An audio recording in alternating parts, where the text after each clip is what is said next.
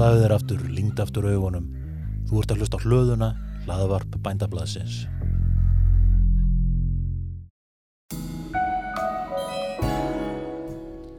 Vantar þig fött fyrir vinnuna? Hjá KH vinnufötum ferðu vinnufatnað, öryggisvörur, hanska, skó og stígvel og allt það sem þú þarf til að láta þér líða vel. Okkar áhersla er að þú fáir góðar vörur og þjónustu á hagkvæmi verði. KH vinnufött, öryggi þitt í fyrirrumi. Fólaldakjött, frí heimsending á höfuðborgarsvæðinu. Við erum á Facebook síðinni Fólaldakjött, bandstrygg, rosakjött. þegar þær heyra líka bara já, hann er ungur og efnilegur og versus það að hún er ung og ábúrslega óreind þetta er svolítið svona það sem að stelpur fá ofta að heyra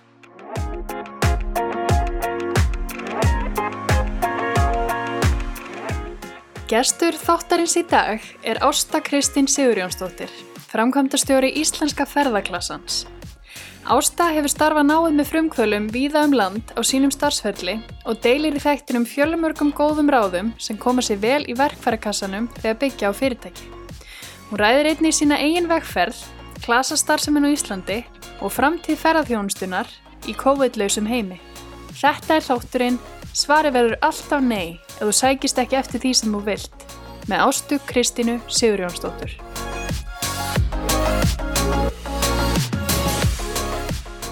Velkomin. Takk fyrir það Hvað segir gott í dag? Heyrðu, ég er bara ótrúlega hress skal Nei, ég. Jú, þetta er bara góði dagur og það er eitthvað bjart framöndan líka Mér leist vel að heldur betur. hérna, ef við byrjum bara svona aðeins á þér og þínum bakgrunni, getur þú sagt mér svona aðeins frá þenni vegferð og, og hvernig hún kom þér í íslenska ferðaklassa? Já, stort er spurt sko. Ég er náttúrulega bara í grunninn alveg ótrúlega mikil dreifbylist túta. Ég hérna, er fætt á uppalinn á, ímsum stöðum reyndar á Ísturlandi. Ég fættist á Neskupstað og bjóð þar fyrstu fimm árin og svo flutti ég á Reyðarfjörð og bjóð þar fram á úlingsárin. Flutti svo til Reykjavíkur og fór í mentaskóla og háskóla og, og kiptum fyrstu íbúðina og eignuðist fyrsta badnið og allt í voða romantík og indislegt en hérna fluttum svo aftur östurs og byggum þar alveg í, 12 ár, svona fullorðins millibils ár eða svona fyrstu svona alvöru atvinnu árin okkar, stopnum fyrirtæki og ég fór að vinna í banka og alls konar skemmtilegt. Og svo seglaði ég aðeins um og fór í sjálfstæðan atvinnuraukstur fór svo að vinna fyrir þróunarfélag Austurlands með fyrirtækjum í, og svona mín áhersla í rauninni allt mitt svona atvinnu líf hefur verið á nýsköpun og þróun sem er ótrúlega svona skemmtilegt. Skemmtilega svona, já, skemmtilega saga sem ég á með mörgum litlum krútlegum fyrirtækjum og líka stærri. Síðan saminæðast það allt í, í svona stæra batteri, svona stóð þjónustu batteri á Ísturlandi og endaði síðan hérna Ísturlands herrferðina mín á hérna því að vinna sem þróunastjóri fyrir fjárðabiða hafnir í svona alls konar þróunaverkefnum sem var mjög spennandi sem að eiginlega leytti mig á einhvern kynningafund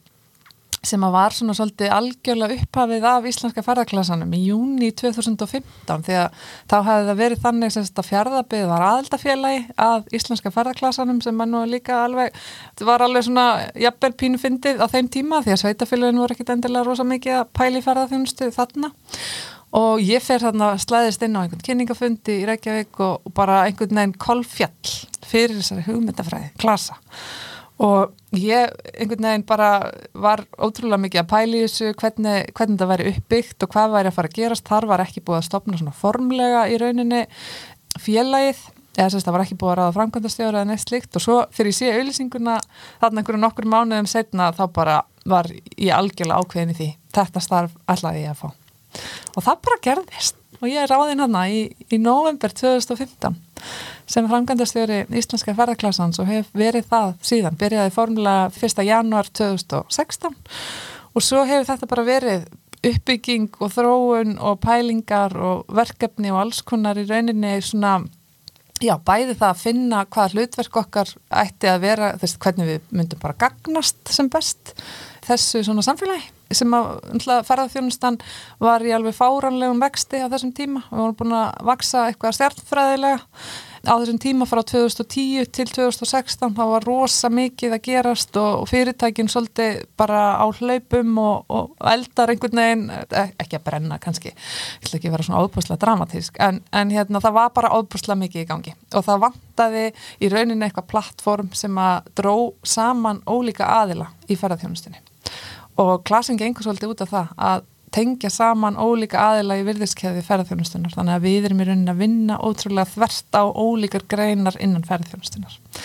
og það eiginlega síndi sig að það, það vantaði alveg það, þann vettvang í rauninni að fyrirtækin getur komið saman unnið að svona þvekkfæglegum í rauninni verkefnum þar sem þau voru að setja inn þekkingu, fá þekkingu og, og vinna að því að ebla sig eh, sem fyrirtæki. Og klasin í rauninni alltaf með það markmið að að við séum að horfa til langstíma í greininni. Þannig að það er svona DNA-ið í, í klösum almennt er að ebla samkjöfnishefni og auka verðmættasköpun og það hefur verið okkar kepp-keppli að nota nýsköpun til þess að ebla fyrirtækin innanfrá. Og hvernig gerir það? Já, það er nú óskaplega einfalt. við gerum það í rauninni alltaf í gegnum verkefnadreifið samstarf og við erum með ímisverkefni í gangi og höfum verið rosalega mikið að einblýna á nýsköpun innan starfandi fyrirtækja. Og við erum með hérna, verkefni til dæmis eitt verkefni sem við kallum ratsjáin. Og hún gengur út af það að taka fyrirtæki innan svæða saman inn í ákveði verkefnaform og þau eru í rauninni í svolítið svona jafningi að rýni að rýna hvar eru tækifæri til nýsköpunar innan þess fyrirtæki og þetta er oft mjög rótgráðin fyrirtæki sem, a, sem að hugsa kannski ekki nýsköpun endilega dagstæðilega sem einhvers konar atriði fyrir þau. Þetta geta verið hérna, fyrirtæki sem að hafa kannski verið hérna, lengi segjum bara í ferðarþjónustu bænda þú veist þeirra svona hérna svona megin atvinnu vegur hefur kannski bara jafnvel verið í gegnum landbúnað og svo bættuðu aðeins ferðarþjónustinu við og svo kannski varð ferðarþjónustan miklu meira heldur en að þau ætliði sér og þau eru kannski orðin bara megin þorranum ferðarþjónusta en ekki landbúnaða fyrirtæki. Þannig að og þa þar koma kannski allt í einu síðan alls konar spurningar um hvernig hvernig á ég að þjónusta eða breyta minni í rauninni grunngerði fyrirtækinu til þess að geta þá náð til hérna fólks og fengi gersti og allt þetta. Þannig að við erum ákveðin á plattform sem við hjálpum fyrirtækjónum að hraða sig í rauninni í gegnum alls konar nýsköpunarferli og vöruþróun og verðmættisköpun til þess að þau í rauninni skilji eftir og fá í rauninni meira til sín. Bæði í formi þekkingar og auðvitað líka bara að það verði eftir bara meiri peningur hjá þeim sjálfum. En það hefur náttúrulega sínt sér í ferðarþjónustu núna bara síðustu tíu árum að það hefur auðvitað orðið alveg svakalega þörf fyrir nýjar fjárfestingar og það sem er auðvitað að gerast núna sem er úrslega erfitt auðvitað fyrir mjög marga er að mörg fyrirtæki voru að fjárfesta mjög mikið í nýri tækni, í nýjum innviðum, bara stækka við sig, gistur í mig, búa til alls konar í rauninni aftreyingu eða, eða fjárfesta í meiri bílum eða bátum eða hvað það er til þess að geta auðvitað þjónustað fleiri. Og það auðvitað skellir rosalega hart á þessum aðlum núna þegar við erum ekki með alla þá ferðamenn sem er búið búið til innviðina fyrir. Þannig að það hefur verið svona og er, verður erfitt núna á næstu 6 til jæfnvel 12 mánuðum og þar komum við líka að, að, að hérna, aðstofa fyrirtækin við það hvernig þau í rauninni halda sjó núna þanga til að við getum aftur farað að opna landið fyrir ferðamannum þannig að og þar auðvitað kemur inn að fyrirtæki verða að hugsa mjög nýskapandi. Þau þurfa eiginlega að setja sig í gýrin að vera nýskapandi fyrirtæki en ekki hefbundi ferðarþjónustu fyrirtæki Þannig að það verður áskorun en, en þar viljum við líka sína að við erum tilbúin að aðstóða og koma að því að koma með hugmyndir og vinnað verkefnum og hugsa þetta á svolítið sjálfbæran hátt frá byrjun að við endur æsum svolítið Íslands samfélag og íslenska ferðarþjónustu með nýsköpun og sjálfbærni af opni. Hvaða kannski lærdom heldur að hægt sé að draga af í rauninni þessari bara heimskrísu sem við erum að gangi í gegnum núna? Ég held að sé kannski fyrst og fremst að reyna aðeins að vera ábyrgari eða það er leðilegt kannski að ég ætla ekki að segja að fólk hafi að fyrirtæki hafi verið mjög óábyrg. Sem hver auðvitað voru það og það þarf ekki að fara hérna, að benda á einhverja hér með, með það. En ég held að við þurfum í rauninni að því við erum alltaf að tala um sjálfbarni og fólk bara skilur sjálfbarni alveg óbúslega mismyrandi. Þú skilur hann einhvern veginn og ég skilur hann einhvern veginn og við erum einhvern veginn, þetta er svolítið huglagt svona uh, hugtaka því leitinu til hvað hva er ég að meina þegar ég segi sjálfbarni. Þegar ég þegar ég er bara núna að tala um sjálfbarni þá er það mín svona tólkun er svo að þú reynir að ná jafnvægi innan fyrirtækisins þíns. Að þú hafir í rauninni eigir fyrir launum, þú eigir fyrir fjárfæstingunum þínum og þú getur mætt áföllum. Og auðvitað þegar maður er að skapa fyrirtæki eða á flegi ferði alveg gríðalegum vexti þá er þetta ekkit alveg endilega mantran þín. Þú ferð ekkit alveg á fætur og hugsa með þér, ok, á ég launastu þrjá mánu, get ég reyki fyrirtæki mitt þó, þó að komi heimskreppa eða eitthvað slíkt. En þetta er svolítið lærdómurinn og hann er harður, þetta er harkaleg lending og þetta er alveg, en, en þetta er samt verður að kenna okkur það að sjálfbarni snýst í eðlisínu alltaf um að ná jafnvægi, millir einhverja ása þetta sjálfbörni er jafnvægi millir samfélags, millir efnahags og millir umhverfis eh, en innan fyrirtækina verður líka að hugsa hvernig, hvernig er reksturum minn sjálfbör þannig að þetta er svona kannski tvennskonar og þarna kemur líka hérna, nýsköpun bara svolítið sterk inn í þessa mynd af því hvernig, hvernig ger ég hefðbundna hluti öðruvísi ég þarf kannski ekki endilega hægt að gera þá en ég þarf að gera á öðruvísi. Ég þarf klárlega nýja tækni eða nýja þekkingu til að koma mér áfram í það sem að var áður hefbundið, verður ekki endilega hefbundið og fólk áttur að ferðast öðruvísi. Það vil vera í samskiptum við þið með öðrum hætti og, og núna er bara svolítið tækifærið og þetta ítir okkur bara svolítið hraðar inn í óumflíjanlega tæknibildingu sem að var alveg byrjuð að eiga sér stað en margir voru svona aðeins að, að svona já, býða og, og, og jafnvel að vona að við þyrstum ekki breytast. En svo er það, það klassíska, það vilja allir breytingar en þú vilt bara ekki breytast sjálfur. Það er ógíslega erfitt og það er hundleðilegt og það, það bara kostar tíma og, og óbúslega vinnu. Þannig að það er eiginlega svolítið svona það sem við viljum líka vera til staðar sem, sem klasin að hérna, aðstofa fólk svolítið í þessu ferli. Bara hver er fókusin minn í rauninni sem fyrirtæki, til hvers er ég að gera þetta, af hverju vakna ég á mótnana, veist, hvert er mitt svona why, fyrir hvað brenn ég? Er það ennþá þessi rekstur eða er það eitthvað allt annað? Eða get ég sett einhvern veginn eldmóði minn og, og það sem að ég brenn fyrir í mínu starfi inn í þetta form sem við erum einhvern veginn lendi í núna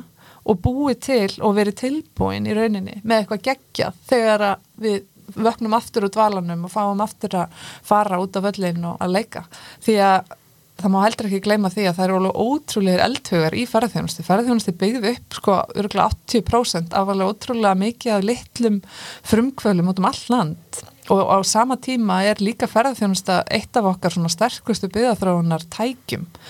og að því við erum ofta að tala um hérna kynin í, í svona hérna auðvitað einhverju samhengi við atvinnumarkaðin og, og hvar eru tækifæri fyrir konur versus kalla, hvar eru kalla samfélög sem að einhvern veginn þurfa að fá miklu meira jafnvægi og annars leikt að þá held ég að ferðarþjónustan hafi sínt það. Og nú er ég ekki að tala endilega um einhver lálaunastörfi í ferðarþjónustu eins og herbyggisþernur eða eitthvað slíkt sem auðvitað er greiðlega mikilvægt að við höfum alla þessa flóru. En við erum líka bara að tala um sérfræðistörf í ferðarþjónustu og það hefur sínt sig að, að hérna, ferðarþjónustan er byggð upp af miklu leiti af, af hérna, sérfræði þekkingu hvenna. Þannig að við meðum heldur ekki gleima því þessum stóra skabli sem við stöndum framifyrir að, að hérna, við verðum líka vernda þekkingu og reynslu ótrúlega margra sem að hafa komið að því að þróa atvinnungreinu og byggja hennu upp að því sem hún er í dag. Hvernig kannski sér þau fyrir þér að þetta umhverju munu breytast á kannski segjum næstu fimm árum? Ég held að það muni svona óhjákvæmilega að maður bara hugsa þetta út frá svona hérna bara hagfræði heimsins eða, eða hvað er svona hag, hagkvæmt að þá hugsa ég að hérna fyrirtækjum eigi óhjákvæmilega eftir að fækka og það eftir að verða svona meiri kannski stærðar hagkvæmni. Nú langar mig ekkit endilega að sjá það að bara það verðir til tíu stór fyrirtæki á Íslandi í ferðarþjónustu og ferðarþjónusta er bara ekki þannig atvinnugrein að hún myndi fungra sem slík. En það þarf samt að koma meiri hagkvæmni inn í rekstur. Launakostnaði náttúrulega er alveg fáranlega há prósenda af rekstrakostnaði fyrirtækja. Þú veist, í, eðlu farvegi þú veist, ef við tökum bara áliðna eða bara, þú veist, tökum hérna eitthvað álverð sem dæmi eða eitthvað svona reysa vinnustad þar eru þar eru kannski launakostnaður fjögur til maks 10% af heldarkostnaði fyrirtækis. Uh, í ferðarþjónustu er þetta oft 50-60% þess launakostnaður, einn og sér. Það þýðir að eftir að þú ert búin að borga laun áttu valla fyrir neinu öðru, hvað þá einhverju þróun eða fjárfestingu eða hérna setjast niður og, og hugsa hvernig þú, hvernig þú kemur einhvern veginn nýskapandi vörðþróun og verðmættasköpun inn í fyrirtækið þannig að það er rosalega stór þáttur og þess vegna tækni í ferðarþjónustu svo mikilvæg. Og það verður auðvitað alveg klárlega, ég menna það eru 25.000 störf í dag tengt ferðarþjónustu og þeim mun fækka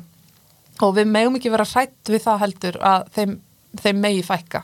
Uh, ég held að við verðum svolítið að, að horfast í augu við að, að veist, heimurinn er að breytast og það, það er ekki alltaf þessi spurning um sko heldur áðbáslan massa eða fjölda heldur miklu meira hva, hvaða gæða þjónustu getur við bóðið færri aðilum sem að borga öppel mun meira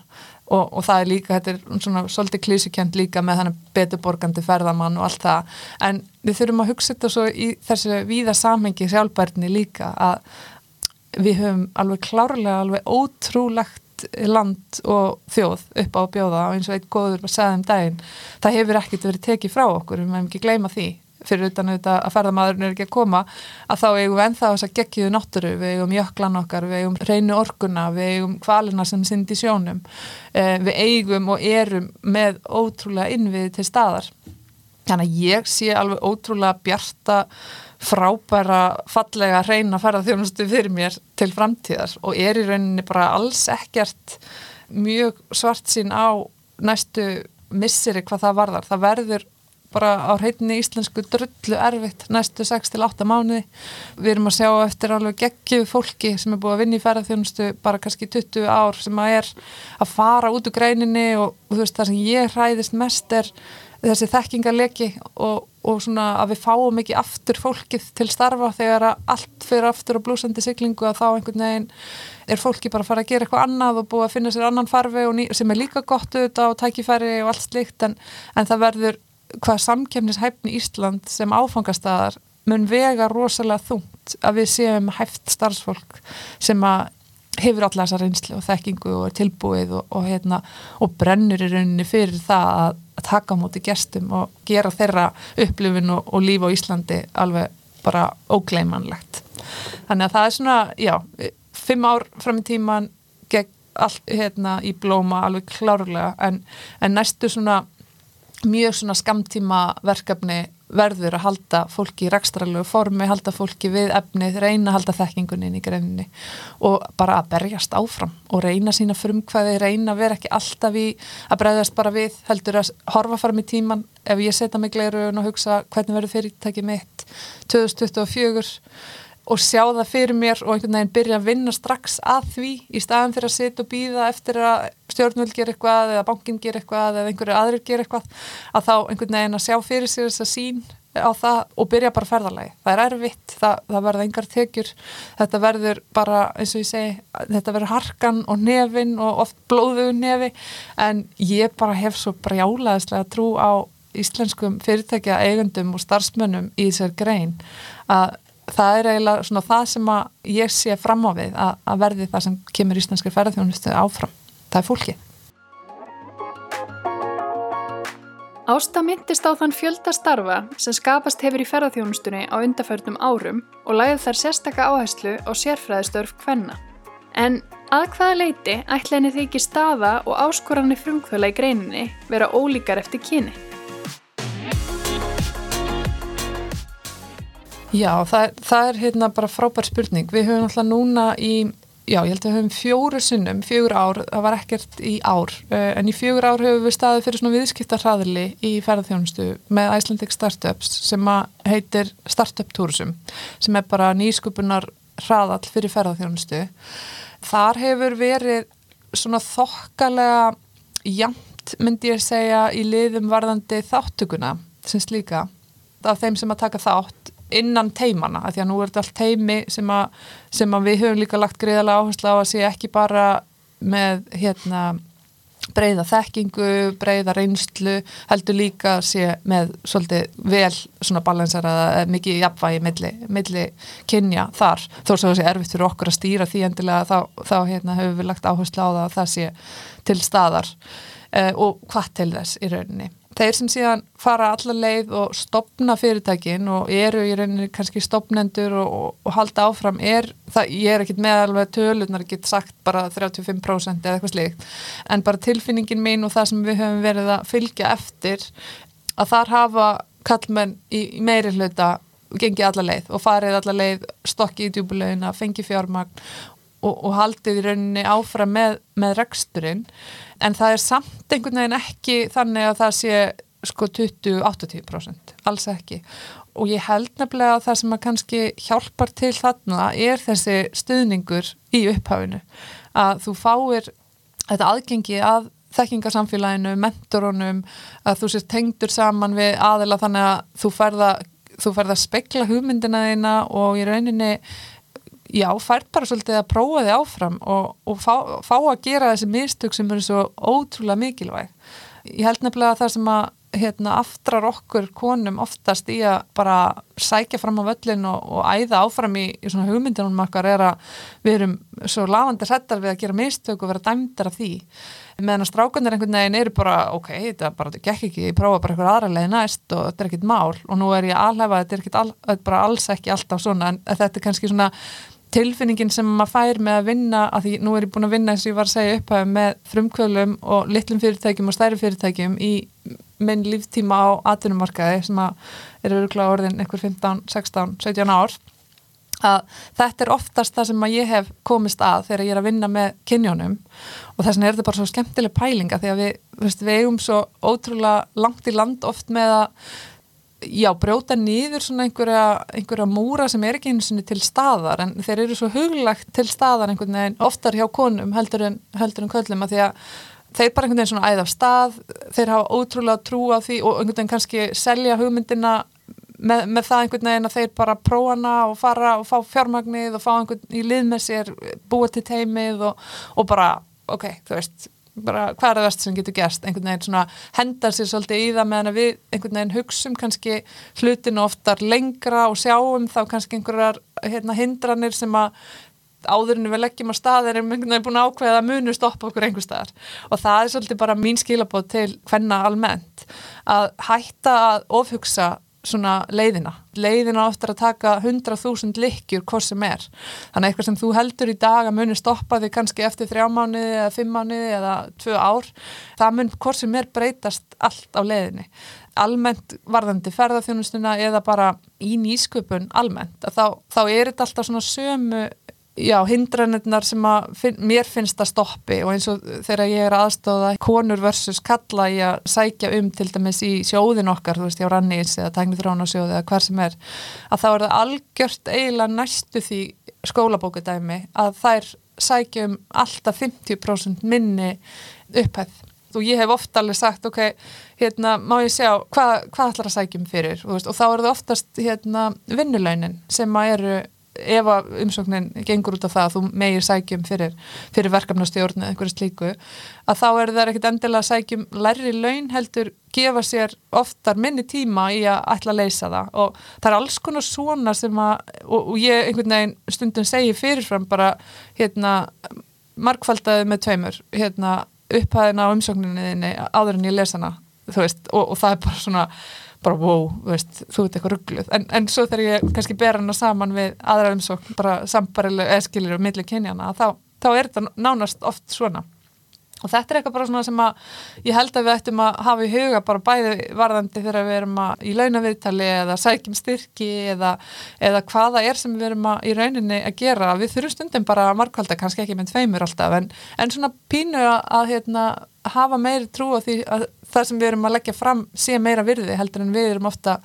að svona, en ég held líka þetta sé ólíkt vegna þess að konur hugsa bara svo allt öðru sem við erum svo, við erum svo það er svo innprentað í okkur að vera hagkvæmar. Og hérna, þú veist alltaf þetta bara að verði hagkvæma húsmóðurinn hérna svona svolítið gegnum aldrei aldana bara að við getum komist af með þetta og þá er ég ekki að byggja um eitthvað meira. En við kannski gleymum að gera ráð fyrir einhverjum alls konar hlikjum á leiðinni eða þá að hlutinni taki lang, lengri tíma og við erum ekki fara að gefa vinnun okkar og við erum þess virði sem við sækjum um að vera. Þannig að hérna, ég held að séu alls konar svona hlutir og, og nýsköpun í ferðarþjónust er kannski ekkit ólík eh, nýsköpun bara almennt hvað þetta varðar. Þetta er hérna, maður svona e- eitt svona, hérna, ekki það að núna bara komið upp ótal konur í, í hérna nýsköpunni í hugan á mér og, bara, og, og það er oftast bara geggju teimi og þú veist, horfum bara hafar í, í Berufyrði með Berglindi og hérna Prins Bóló og við horfum á óbjöðasetrið e, í Fljóstal með Örnu og, og Denna, þú veist, þetta er oft svona alveg geggju annarkvort hjón eða eitthvað teimi og ég held bara í nýsköpun að þá þurfum við að vera þessi blanda veist, og til að ná árangri. Þá náttúrulega er ég alveg samfærið það að hérna, auðvitað getur hvort kynni fyrir sig ná alveg geggjum árangri en til að ná sem bestum árangri er náttúrulega frábært að hafa teimi sem er ólíkt og komið með ólíkar hérna, alls konar hugmyndir að, að borðinu meðan að, eitt fyrir að flug og þá þarf hinn aðeins að vera hjálpundari og, og, og svo framvegis. Og nýsköpun í rauninni og, og svona fleiri svona dæmi eru hérna, friðheimar þar sem eru hjón sem reyka reyka það og, og heitna, þannig að það er uh, bara núna upp í hugan að mér skjótast bara endalus hérna, pör og hjón sem hafa náðalega geggjum árangri í nýskupinu ferðarþjónustu og hérna með lafasjó á, á vík þar sem að hérna, Ragnhildur og, og Júli eru veist, er að ganga á blóðum nefanum að láta drauminn sem rætast í, í hérna, ferðarþjónustu á þessum tímum þegar allt er í voli og, og það er ógeðslega erfitt að koma með nýsköpun sem er ekki einu svona byrjuð að gefa þið tekjur en, eh, og þurfa samt einhvern veginn að lækka eh, öll gjöld og allan aðgangseyri bara til að fá eitthvað inn. En að þetta er svona ég held að, þú veist, heilt yfir getum við gert svo miklu, miklu meira í að, að hérna, fá stelpunar með okkur í lið, sína þeim fram á að, að það er að því að við erum svo först í því, sko, þetta er bæði mantra, þetta er bæði rétt og auðvitað er þetta líka bara búið að vera svo, svo lengi einhvern veginn svo ójæmt að sumar bara, sumum finnst það bara ekki taka sig eins og að, að fara sækjum í sjóði. Þegar það er heyra líka bara já, hann er ungur og efnilegur og versus það að hún er ung og ábúrslega óreind veist, þetta er svolítið svona það sem að stelpur fá ofta að heyra. Veist, við höfum svo ólíka ímynd á því hvað, hvernig við erum einhvern veginn svona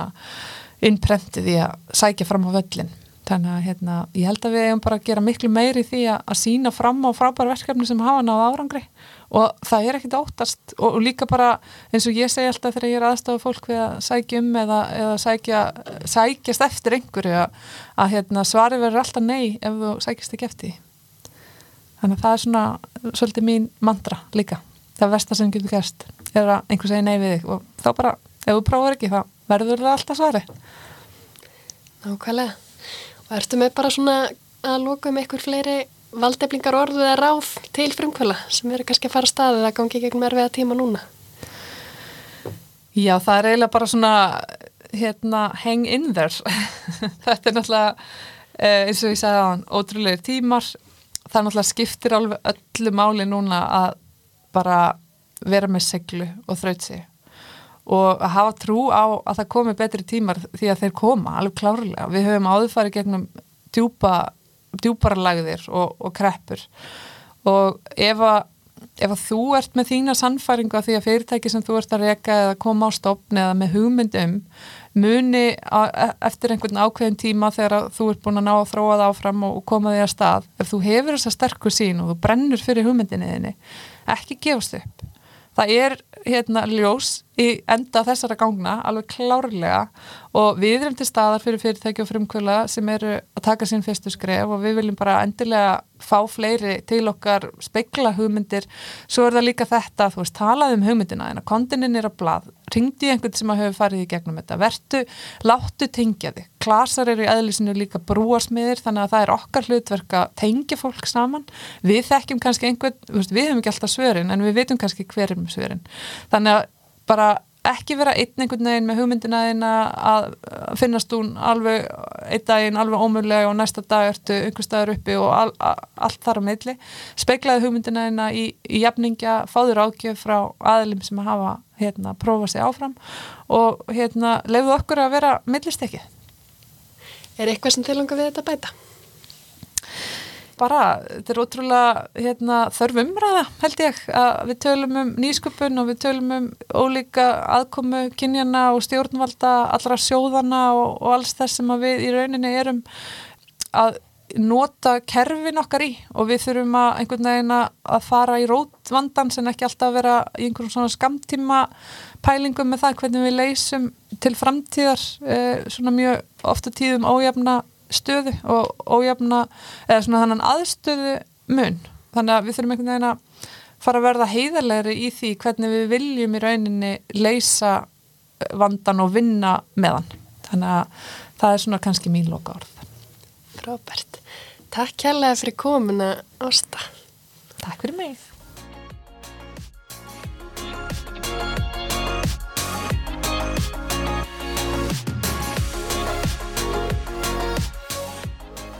Ég þakka Ástu kærlega fyrir komuna og fyrir alla gullmólana sem hún deildi með okkur í þættinu. Orka hennar og jákvæðinni eru smitandi og ég get ekki annað en hlakka til að sjá ferðarþjónustuna rýsa á nýjan leik þegar við getum loksins ferðast aftur.